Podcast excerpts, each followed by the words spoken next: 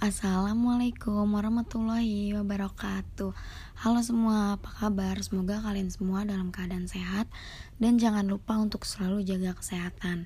Sebelumnya, perkenalkan nama saya Ayu Pradita Agustin dan teman-teman saya. Saya Ivana Angkawijaya. Saya Safa Nur Rahmawati. Saya Deliani Putri. Saya Kizia Kristen Nah, sebelumnya di sini ada yang udah tahu belum gimana sih proses proklamasi kemerdekaan itu? Atau di sini udah ada yang tahu? Nah, bagi yang belum tahu, di sini kami akan membahas tentang proses proklamasi kemerdekaan. Simak podcast berikut. Pada awal kependudukan, Jepang bersikap baik dan ramah kepada masyarakat Indonesia. Tapi itu semua hanya palsu. Kenyataannya, sikap dan tindakan Jepang mulai keras, kejam, dan menguras sumber daya alam yang mengakibatkan rakyat mengalami penderitaan yang lebih berat daripada zaman penjajahan Belanda. Jepang bersikap baik dan ramah kepada Indonesia karena Jepang berjanji untuk membantu Indonesia merdeka jika menang dalam Perang Pasifik karena saat peristiwa tersebut Jepang diambang kehancuran. Tujuan utama Jepang datang ke Indonesia yaitu menjadikan Indonesia sebagai pemasok untuk industri dan mesin perang untuk menang dalam Perang Pasifik. Kehidupan bangsa Indonesia yang menderita itu karena kebijakan-kebijakan yang dikeluarkan oleh Jepang. Dan seperti paksaan untuk melakukan sekere, yaitu penghormatan kepada Dewa Matahari dengan membungkukkan badan ke arah matahari terbit. Penerapan 12 tahun yang diterapkan sampai saat ini. Romusa dalam bidang militer, Jepang membentuk organisasi militer dan semi militer. Di antaranya ada Heiho, PETA, Suisintai, Seinendai, Keibodan, Fujinkai, Hizbullah, Seinentai, dan Gakutotai. Sebagian besar kebijakan tersebut mendapatkan perlawanan dan bangsa Indonesia dan juga Jepang semakin terdesak dengan front peperangan yang mengakibatkan kekuatan Jepang melemah. Kondisi tersebut dimanfaatkan oleh Amerika Serikat dengan serangan bom Hiroshima dan Nagasaki. Kondisi ini juga dimanfaatkan Indonesia untuk mempersiapkan proklamasi kemerdekaan Indonesia. Di Gedung Chuo Sangiin, Jakarta, 28 Mei 1945, anggota BPUPKI dilantik oleh Jenderal Kumakichi Harada. Rajiman Diningrat, tokoh pergerakan nasional, ditunjuk sebagai ketua. Sidang BPUPKI dari 29 Mei sampai 1 Juni 1945 pun berjalan mulus. Setelah bersidang dua kali, kerja BPUPKI berakhir dengan baik sesuai harapan Jenderal Kumakichi Harada.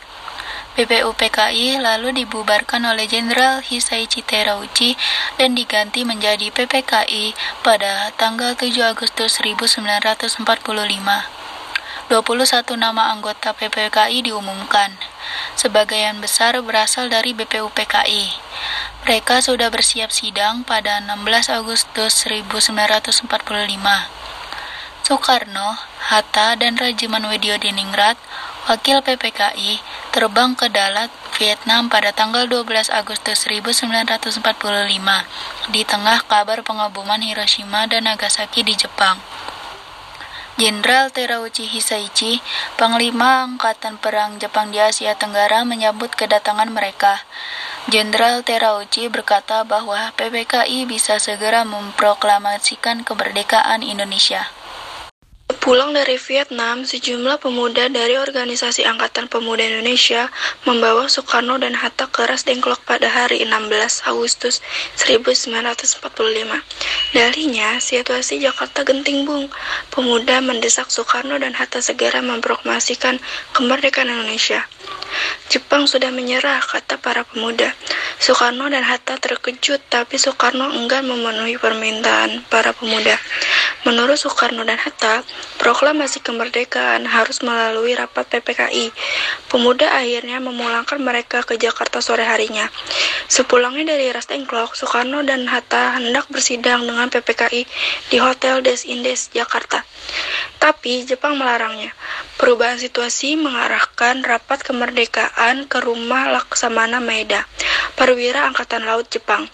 Di tempat inilah dalam sebuah ruangan Soekarno, Hatta, dan Ahmad Subarjo merumuskan naskah proklamasi kemerdekaan tanpa gangguan dari Jepang. Soekarno lalu membacanya ke anggota PPKI dan pemuda di serambi rumah. Naskah yang singkat, tapi semua sepakat dengan isinya. Kemerdekaan bukan lagi suatu impian. Hari bersejarah itu tiba, Soekarno membaca naskah proklamasi kemerdekaan Indonesia ke banyak orang di rumahnya. Jalan Pengsanggahan Timur nomor 56. Tokoh-tokoh pergerakan nasional dan rakyat biasa membaur mendengarkan pembacaan itu dengan hikmat. Setelah itu, bendera merah putih jahitan Fatmawati perlahan dinaikkan. Diiringi lagu Indonesia Raya. Penghormatan pun diberikan. 17 Agustus 1945, Indonesia akhirnya merdeka. Ini bukanlah pemberian, melainkan hasil perjuangan dari seluruh rakyat Indonesia. Proklamasi kemerdekaan mengantar bangsa Indonesia bergelut dengan cerita baru. Jepang memang telah kalah, namun pengaruhnya belum berakhir. Kamera Alex Mendur yang merekam dan menyebar proklamasi dihancurkan oleh Jepang. Maka dari itu, Franz, sang adik, mengubur negatif fotonya di halaman kantor surat kabar Asia Raya. Di tempat lain, pewarta berhasil mengabarkan proklamasi lewat media cetak dan siaran radio dengan menggunakan berbagai bahasa daerah. Di desa-desa, pemuda meneruskan kabar proklamasi dengan berkeliling dan berteriak, "Jelang menyerah, Indonesia merdeka!"